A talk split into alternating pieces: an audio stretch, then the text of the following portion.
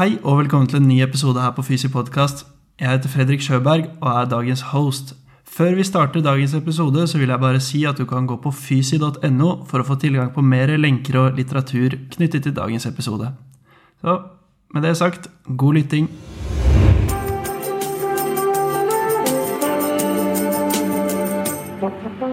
Hei og velkommen til en ny episode her på Fysi Podcast. Jeg er veldig glad for at du har eh, blitt med og hører på denne episoden i dag også. Så i dag så er tematikken eh, lumbal spinal stenose. Og vi har en eh, gjest vi har hatt med på podkasten før her. Skal vi se om vi kan rope på han og se om han, han er her. Og 1213. Simen Sletten. Velkommen tilbake. Tusen takk. Ja, helt rått. Så Hyggelig å være tilbake. Ja, det er en sann glede. Det er, nå er jo, eh, Forrige gang så snakket vi jo om eh, prolaps. Eh, I dag så er tematikken rundt spinal stenose. Ja, vi kan jo egentlig eh, bare hoppe rett på sak. Eh, så hva er eh, spinal stenose? Ja, det er forandringer i ryggen som eh, typisk aldersforandringer. Eh, det kan være endring med skive, ligamentum flavum, fasettledd, eh, annet, som kan da gi litt eh, trange forhold til eh, nerve, nervene i, i ryggmargen, eller i, i ryggraden, som kan da gi litt bensmerter. Så det må både være litt forandringer i ryggen og bensmerter for at du skal ha spinal stenose. Da. Du kan jo ha bensmerter alene, ikke sant? og du kan jo ha forandringer i ryggen, men det skal være de to kombinert. Da. Ja. Så det er jo det man kaller et syndrom. Det er jo ikke alle som er så glad i det ordet, eh, kanskje. Litt omdiskutert. Litt omdiskutert. i hvert fall. Men eh, det er jo det er ikke noen objektive kriterier da, for å kunne sette diagnosen. Altså Du kan ta en MR, og det ser ut som det er eh, trange forhold og spinal stenose, Ja, men det betyr ikke at du ha, må ha symptomer. riktig. Så det er jo anamnese, undersøkelse og eventuelle MR-funn som eh, setter diagnosen, da. Så det er jo de korte, korte trekkene. Ja, så eh, enhver tilstand som på en, på en måte gjør eh, spinalkanalen trangere, er en spinal stenose. Da. Ja. Ja. Og uh, det er nok sikkert noen, noen arter av det her som er mer vanlig enn andre. Jeg vet ikke om uh, vi kan si noe om uh, de vanligste årsakene til det, og så kanskje de litt unormale og bare sånn touche innom. Ja, de, det vanligste er jo den degenerative spinalstenosen, da. Du kan også ha medfødt, og det kan være andre årsaker, da, f.eks. etter kirurgi eller infeksjon eller traume og sånn type ting. Men den degenerative spinalstenosen er jo den vanligste, da. Altså aldersforandringer eh, som er mye genetisk betinga, det skal man jo si. Altså hvilke valg av mor og far. som er eh, viktigste faktoren da, for om man får det her eller ikke. Så man vet jo det at belastning, bruk av rygg sant? Det er jo ikke det som er årsak til degenerasjon. Det står for en veldig liten andel. da. Så det er jo rett og slett eh, gen genetikk, og så er det mye man ikke vet også da, med de her alders- eller forandringene. Hvorfor noen får det litt fortere, noen får det litt saktere. Ja. Så det er de overordna. Og så eh, kan du også ha eh, Hvis du ser ovenfra, da, så kan du også se på lokalisasjon. Hvor den her eh, stenosen sitter. Eh, så du kan jo ha den vanligste er jo en sentral spinal stenose. Altså den sitter da og kan påvirke cauda equina, altså eh, nerven som kommer ned rygg, ryggraden, da. Eh, I spinalkanalen. Og så kan du ha lateral stenose. Den sitter litt mer til siden. Eh, altså lateral resess har kanskje noen hørt om. Det er når nerveroten kommer ut fra duramater, altså den hinnen som er eh, rundt uh, Kaudakvinna, blir det vel, da. Ja. Uh, så kommer den ut, og der, hvis den blir uh, påvirket der, så heter det lateral stenose. Ja. Og den tredje og siste, da er det foraminal stenose. Ah, Det er når den kommer ut uh, i den kanalen, da. Ja. Hullet fra ryggen, på en måte, da. Altså sentral, lateral og foraminal. Helt riktig. Ja.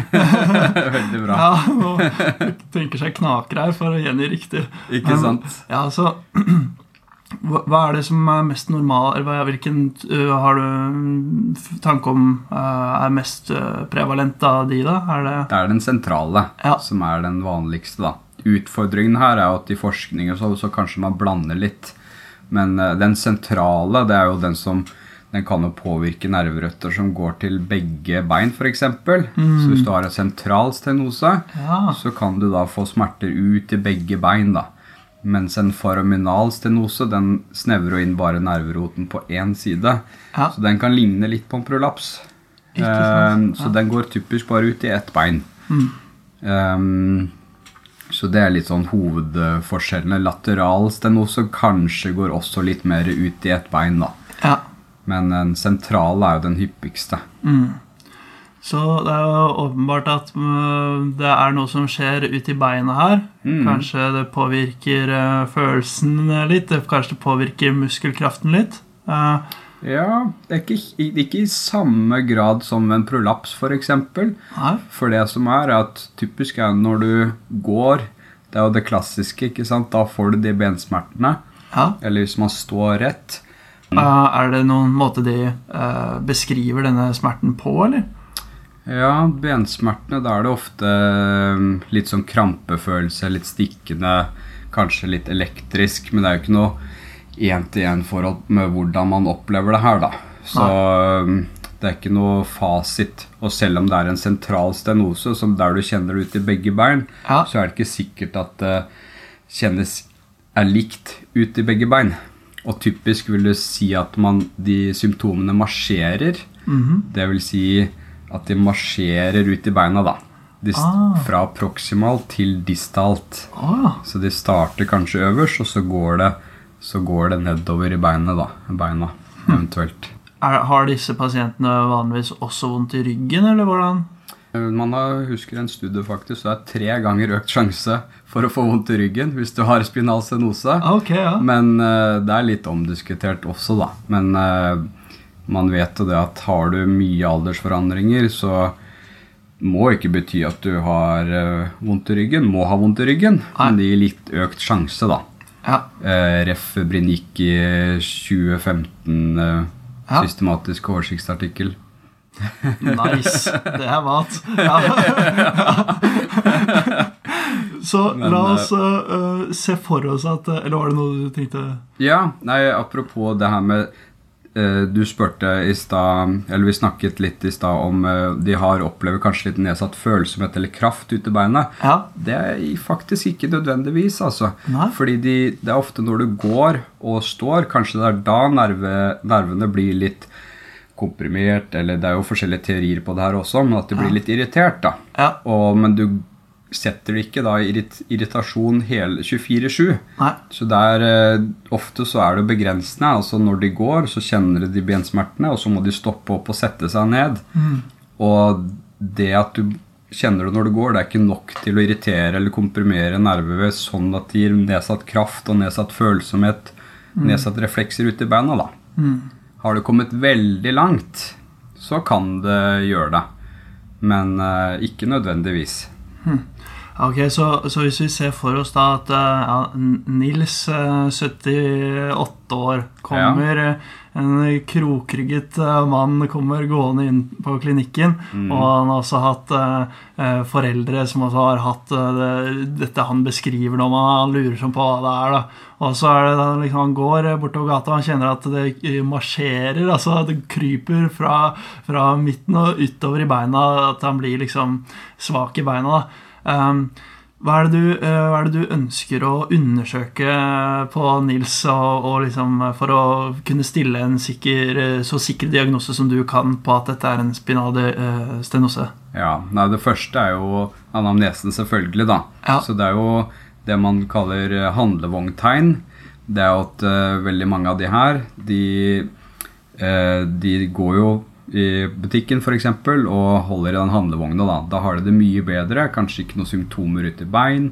Eh, så det, anamnesen er jo kanskje det viktigste. Ja. Og hvis du går tur, så er det kanskje vondt. Eh, du begynner å kjenne at det bygger seg opp, og så må du sette deg ned, hvile et Ja. minutt eller to eller tre, og så kan du gå videre.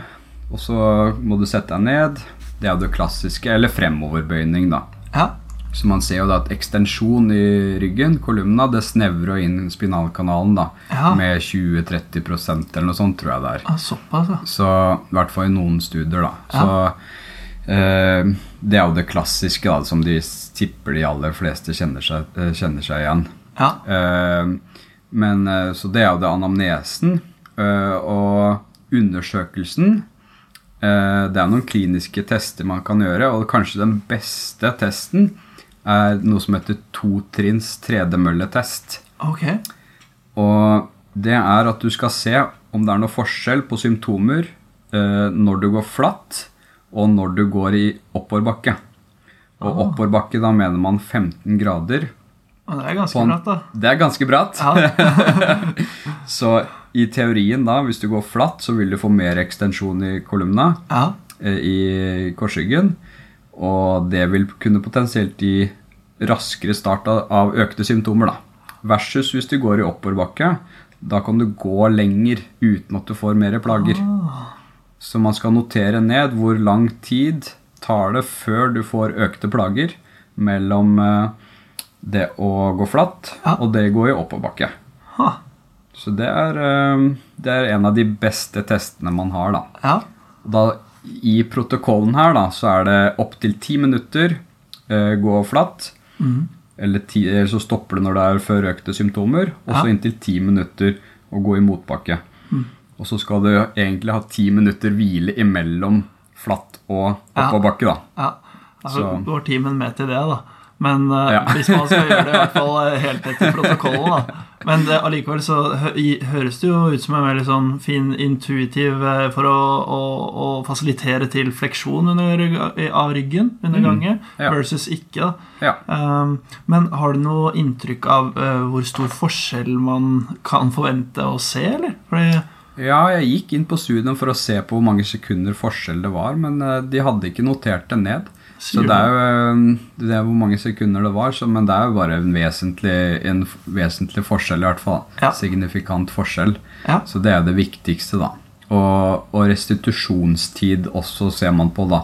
Tid før symptomene går ned eh, og er liksom tilbake til baseline, da. ja. Så tid før symptomer og restitusjonstid, da. Hvilke, hvilke teorier, eh, hvis vi tar en liten digresjon inn på dette mekanismen for at, eh, for at de får vondt i beina, hva er, hva er liksom teorien bak at eh, denne, denne smerten kommer, og at den på en måte vedvarer litt? Ja, det er to teorier. Man har lurt på det i mer enn 50 år, faktisk. Så, Du stopper ikke her på denne podkasten heller. Det nei, ikke sant? Så Søren. det er ischemiteorien. Ja, Så det er eh, at man har kompresjon av de små arteriolene, altså blir kjemi av eh, nerven. ja. Eh, det er nummer én. Ja, det- Altså litt sånn kompresjon, da. ja, det er en liten arteriole i sen sentralt i nerven da, som på en måte blir komprimert litt. Ja. Ja, Og som da kan Som da kan gi de symptomene. Det er den ene teorien. Og så er det venøs stase.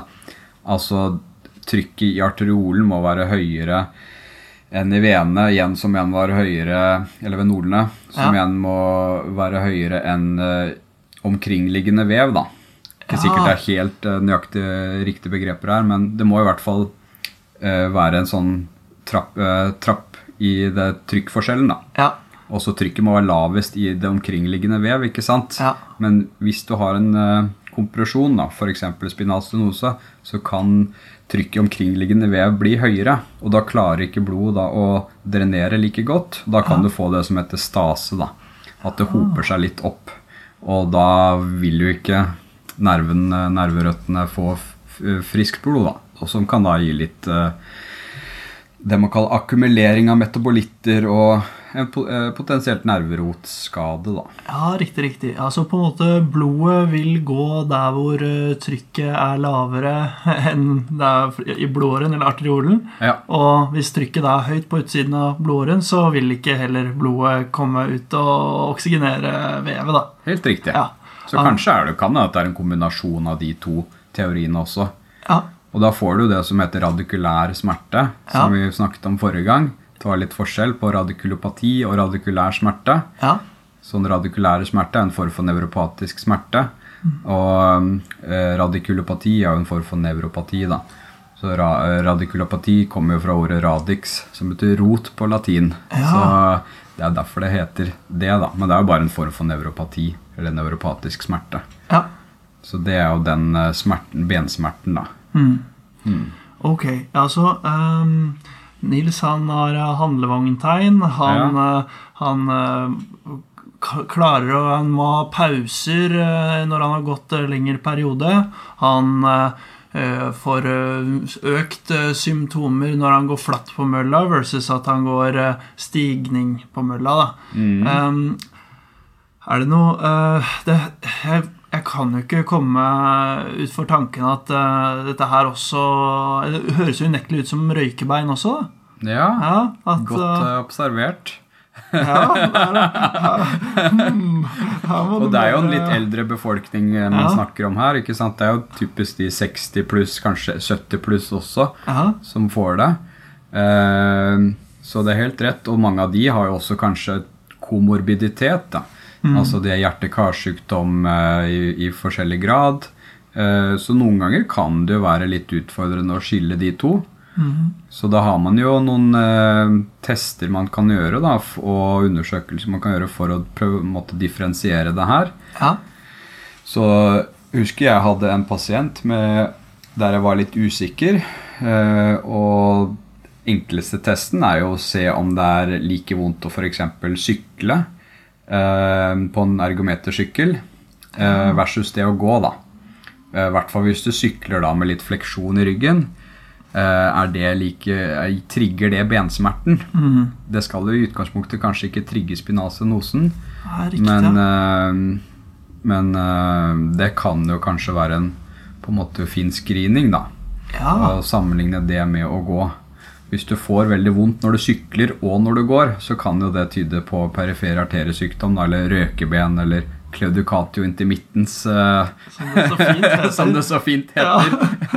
perifer arteriesykdom er vel det man kanskje bruker nå, tror jeg, da. Ja, Men uh, den aller, aller Eller det som man ser i forskningen man anbefaler, da, Ja. uh, som kan være viktig å se på, det er ta Kjenn på pulsen distalt.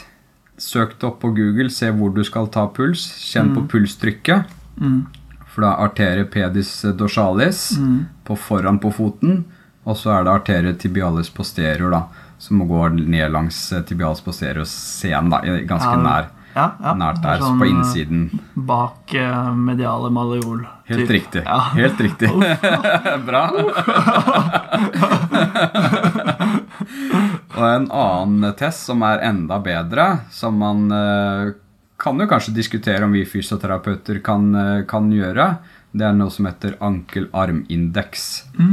Det vil si at du skal se på forskjell i blodtrykket på arm og i ankel, for du kan ta blodtrykket der nede også. Ja. Og det skal du gjøre liggende.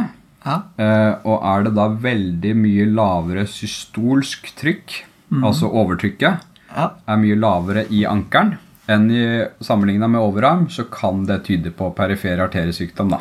ja. Så det er jo en prosedyre som du skal gjøre med å ta tre målinger, høyre og venstre, arm og bein.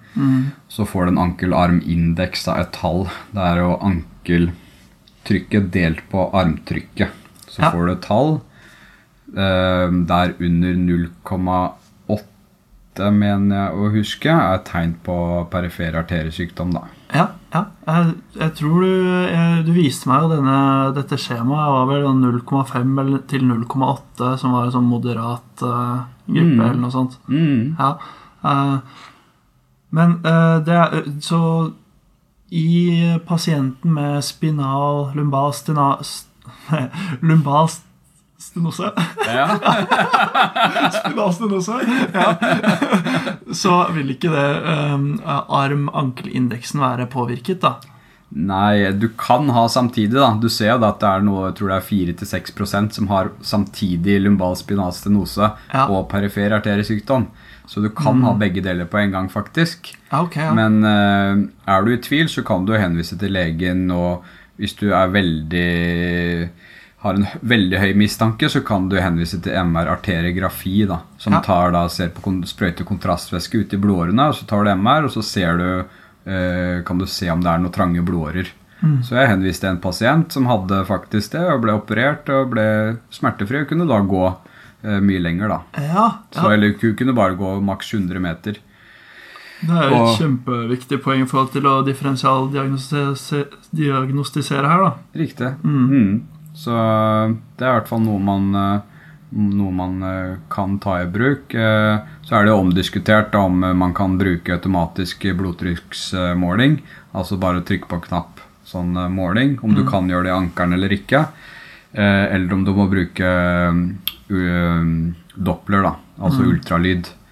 Eh, Jeg har prøvd, da, brukt bare da automatisk blodtrykksmåler. Noen kilder mener at man kan det, og mener at det gir like gode resultater. da. Så det kan du. det har jo veldig mange fysioterapeuter også på, inne på behandlingskontoret. eh, Sånn automatisk blodtrykksapparat, eller kan i hvert fall, kan i hvert fall kjøpe det. da. Så kan man da måle, måle blodtrykket ja, både ankel og arm. Men uh, bare en sånn uh, oppklarende ting i forhold til da, de pasientene som har spinalstenose, som også vil ha en påvirket arm-ankel-indeks. Er det fordi de også har perifer eh, karsykdom, da? Mm. og ikke fordi eh, at eh, den arteriolen i Ja, fordi det gir ikke mening at det skal påvirke blodtrykket i noe særlig grad, da. Nei, helt riktig det. Ja. Ja. Så nei, det, en spinalstenose lokalt i ryggen, den skal ikke gi noe nedsatt trykk eh, ut i, ut i beina. Ja. Det er jo de her to store blodårene som kommer ut ved, i magen der, ikke sant? Ja. Eller Iliakus, iliacus, kanskje. Jeg vet da søren, nå har vi fått gjette. ja. Det er vel arteria iliaca communis eh, Det er Ja. riktig. ja, det er riktig. Ja. Ja. Ok, det er bra. Ja. Sjekka opp her. Ok, eh, Så nå har vi egentlig fått eh, høre om en rekke gode tester og, og slik, da. Så eh, er det jo ja, totrinns tredemølletest og arm-ankelindeks som er fine måter å differensialdiagnostisere med perifer arteriell sykdom. da. Ja. Er det noen andre differensialdiagnoser? Sånn, Ja, hofte kan jo gi hofteleddsplager, kan jo gi litt sånn smerter ut i bein. Sånn uh, skrine tofta, det er jo fadir f.eks., eller er du veldig stiv fleksjon. Da er det reproduksjon av smerter vi skal gå for. mm, Uh, gluteal tendinopati, laterale hoftesmerter. Det er jo testbatteri der, ikke sant, med, med forskjellige tester. Eh, Alison Grimaldi har vel forska på det. Så, så det kan vi jo legge med i shownotes, f.eks. Ja. Eh, og så mener i hvert fall den ene Delphi-studien at du bør skrine ut cervikalmyelopati, altså tranghet i, for eh, ryggmargen i, i nakken. da. Ja. Som kan, men eh, det er jo ganske seint ute i forløpet da, at det, gir eventuelt bensmerter og sånn type ting. Men eh, det er noe man kan skrine ut, da. ja. Mm. Ok.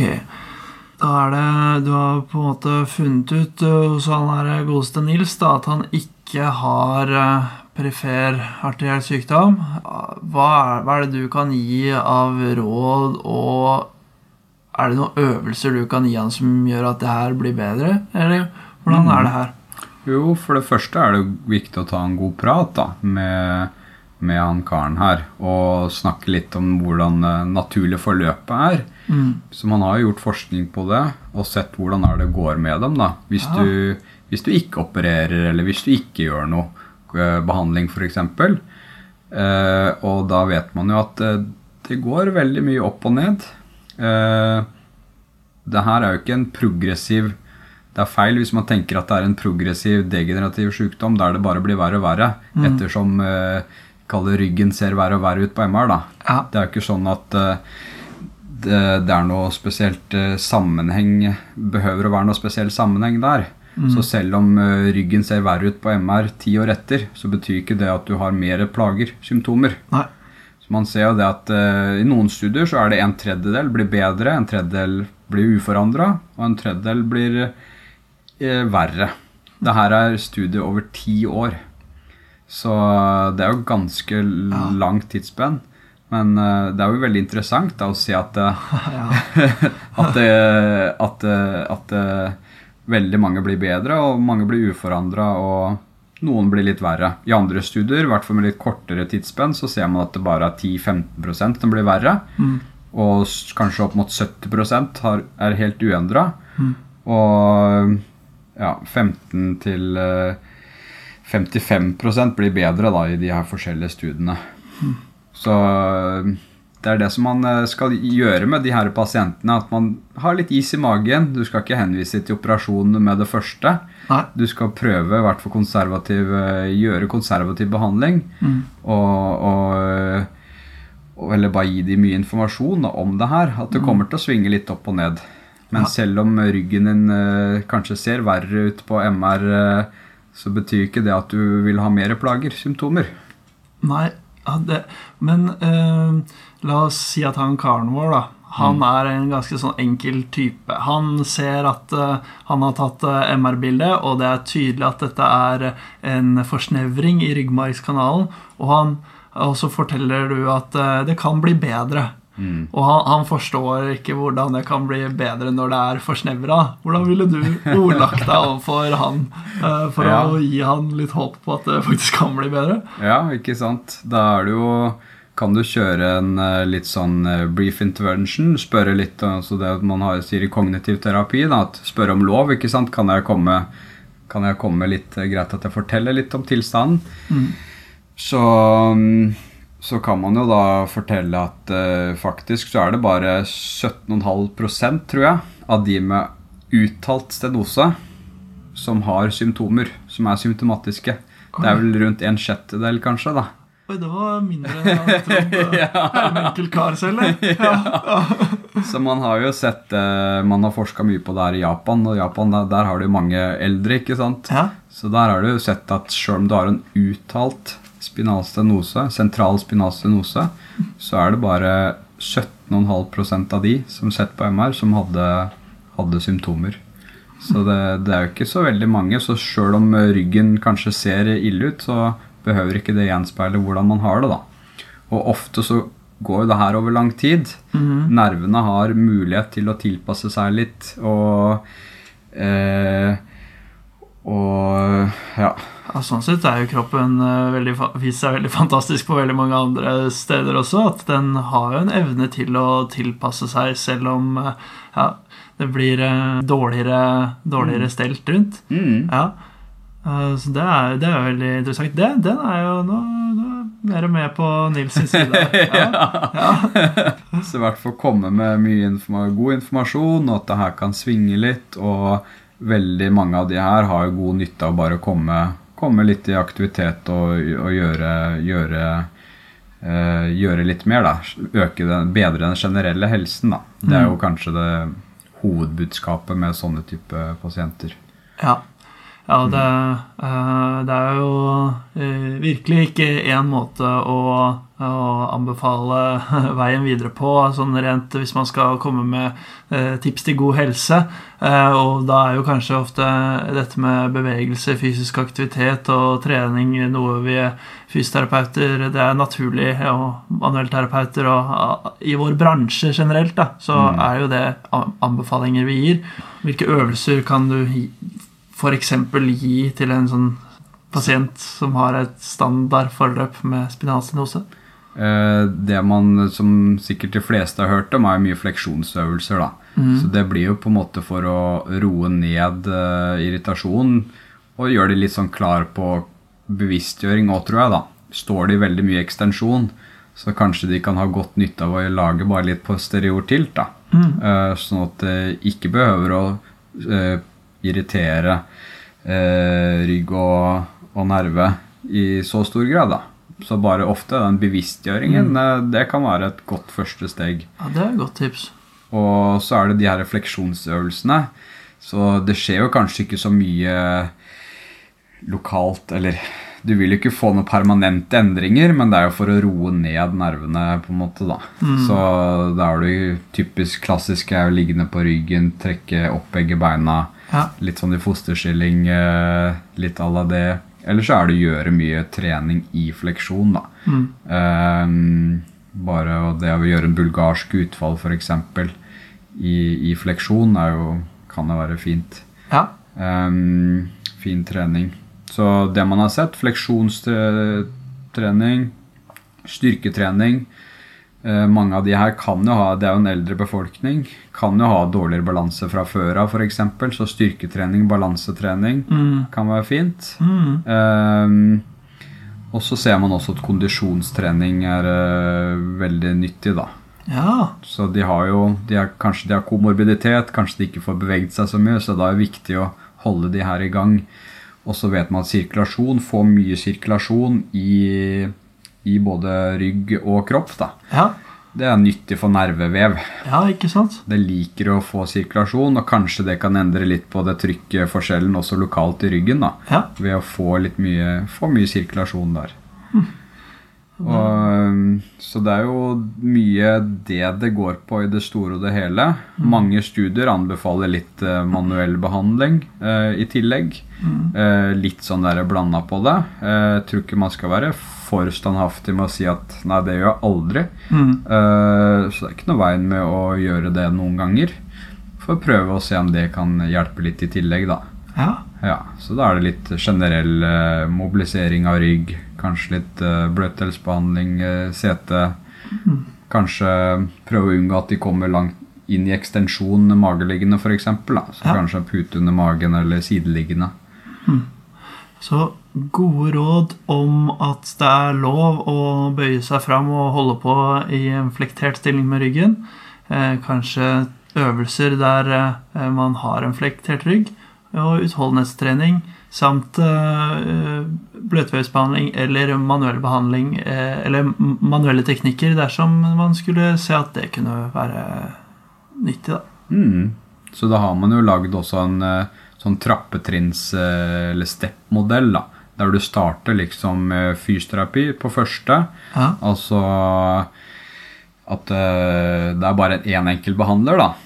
Som kan tilby litt eh, hjelpe til litt med trening og litt behandling. Uh, rådinfo. Hvis ikke det funker, så kan du sendes videre til mer tverrfaglig behandling. Eventuelt eh, kanskje med involvere en lege, med farmakologisk behandling eventuelt, sjøl om det også er litt omdiskutert. Eh, vurdere billeddiagnostikk, eh, ta en MR eventuelt, kognitiv terapi, eh, hvis driveren er i den gata der. Og eventuelt hvis ikke det funker, kan du gå videre til neste steg da med uh, MR og eventuelt operasjon. Da er det dekompresjon, da, som det kalles. kalles.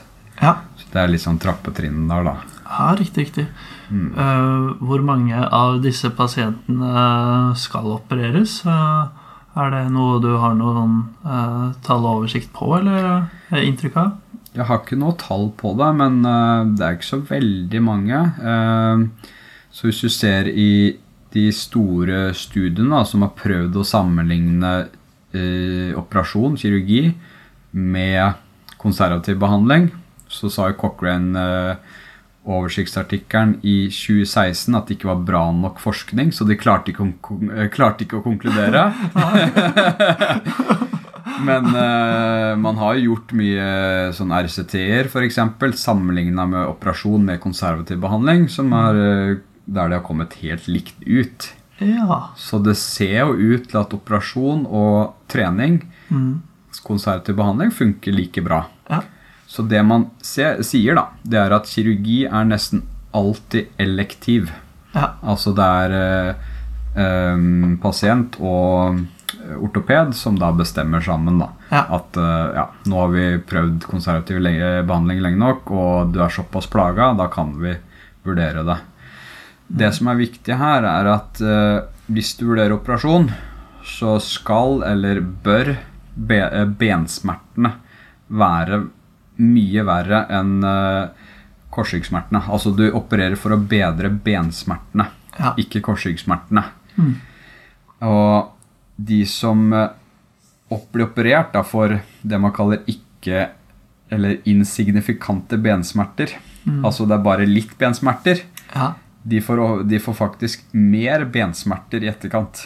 Er en norsk det? eh, studie vist. Ja. Ja. Selv om de da angir da på denne Oswestry Disability eh, denne spørreskjemaet at de har det bedre, Ja. så ser man også at de faktisk har mer bensmerter. da. Ah, shit. Så, og det er en tredjedel da, som opplever ingen klinisk eh, bedre, relevant bedring etter kirurgi.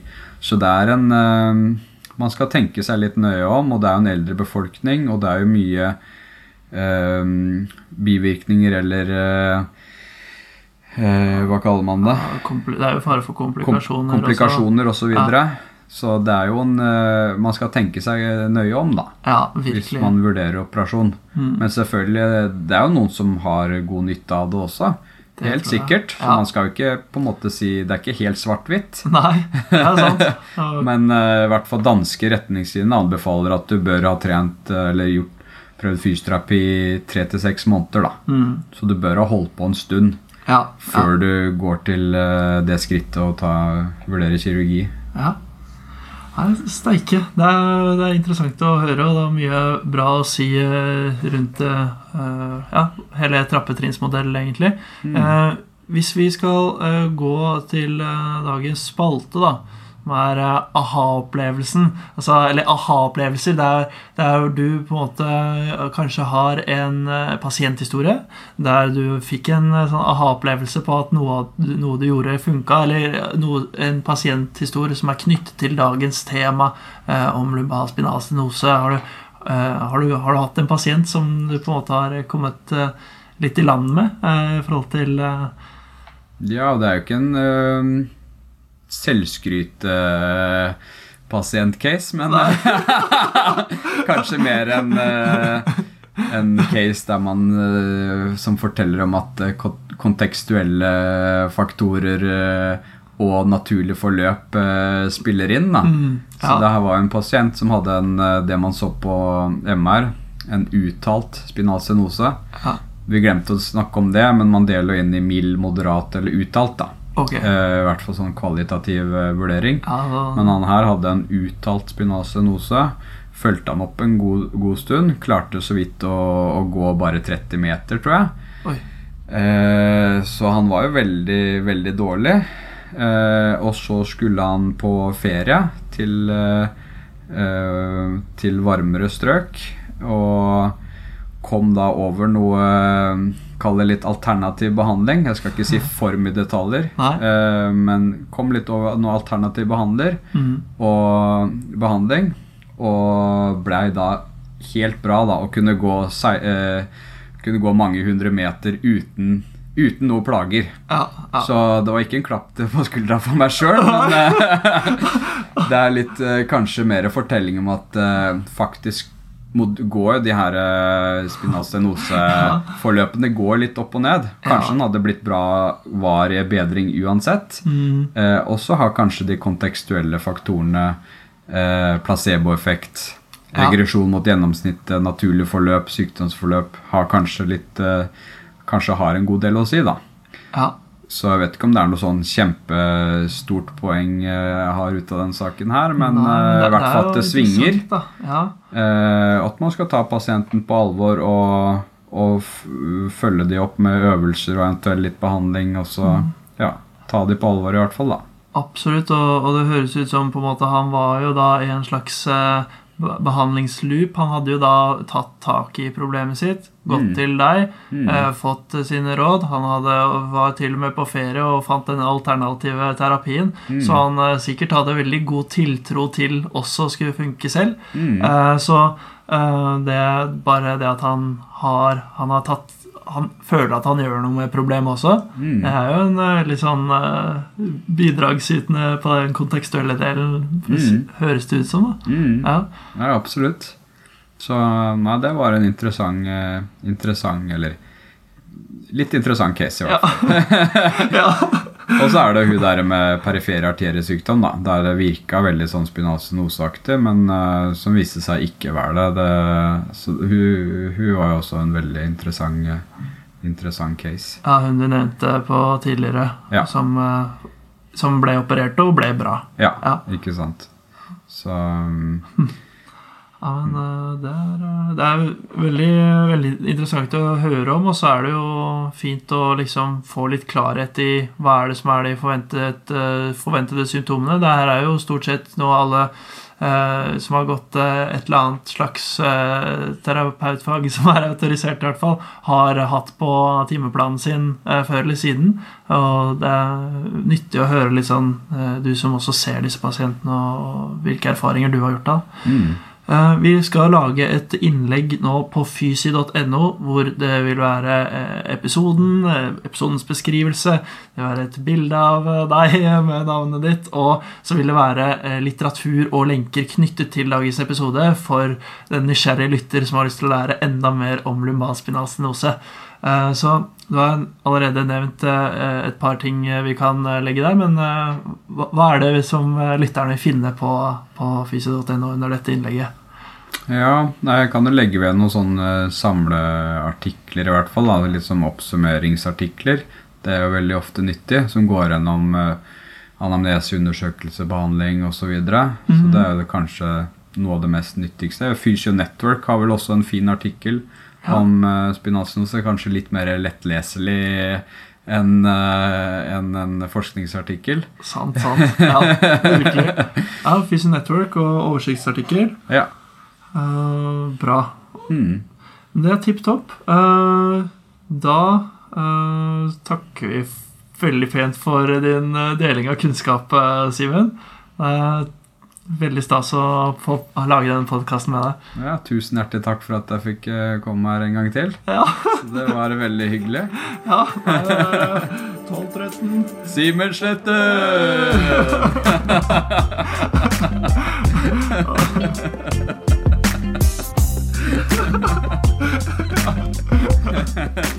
Ha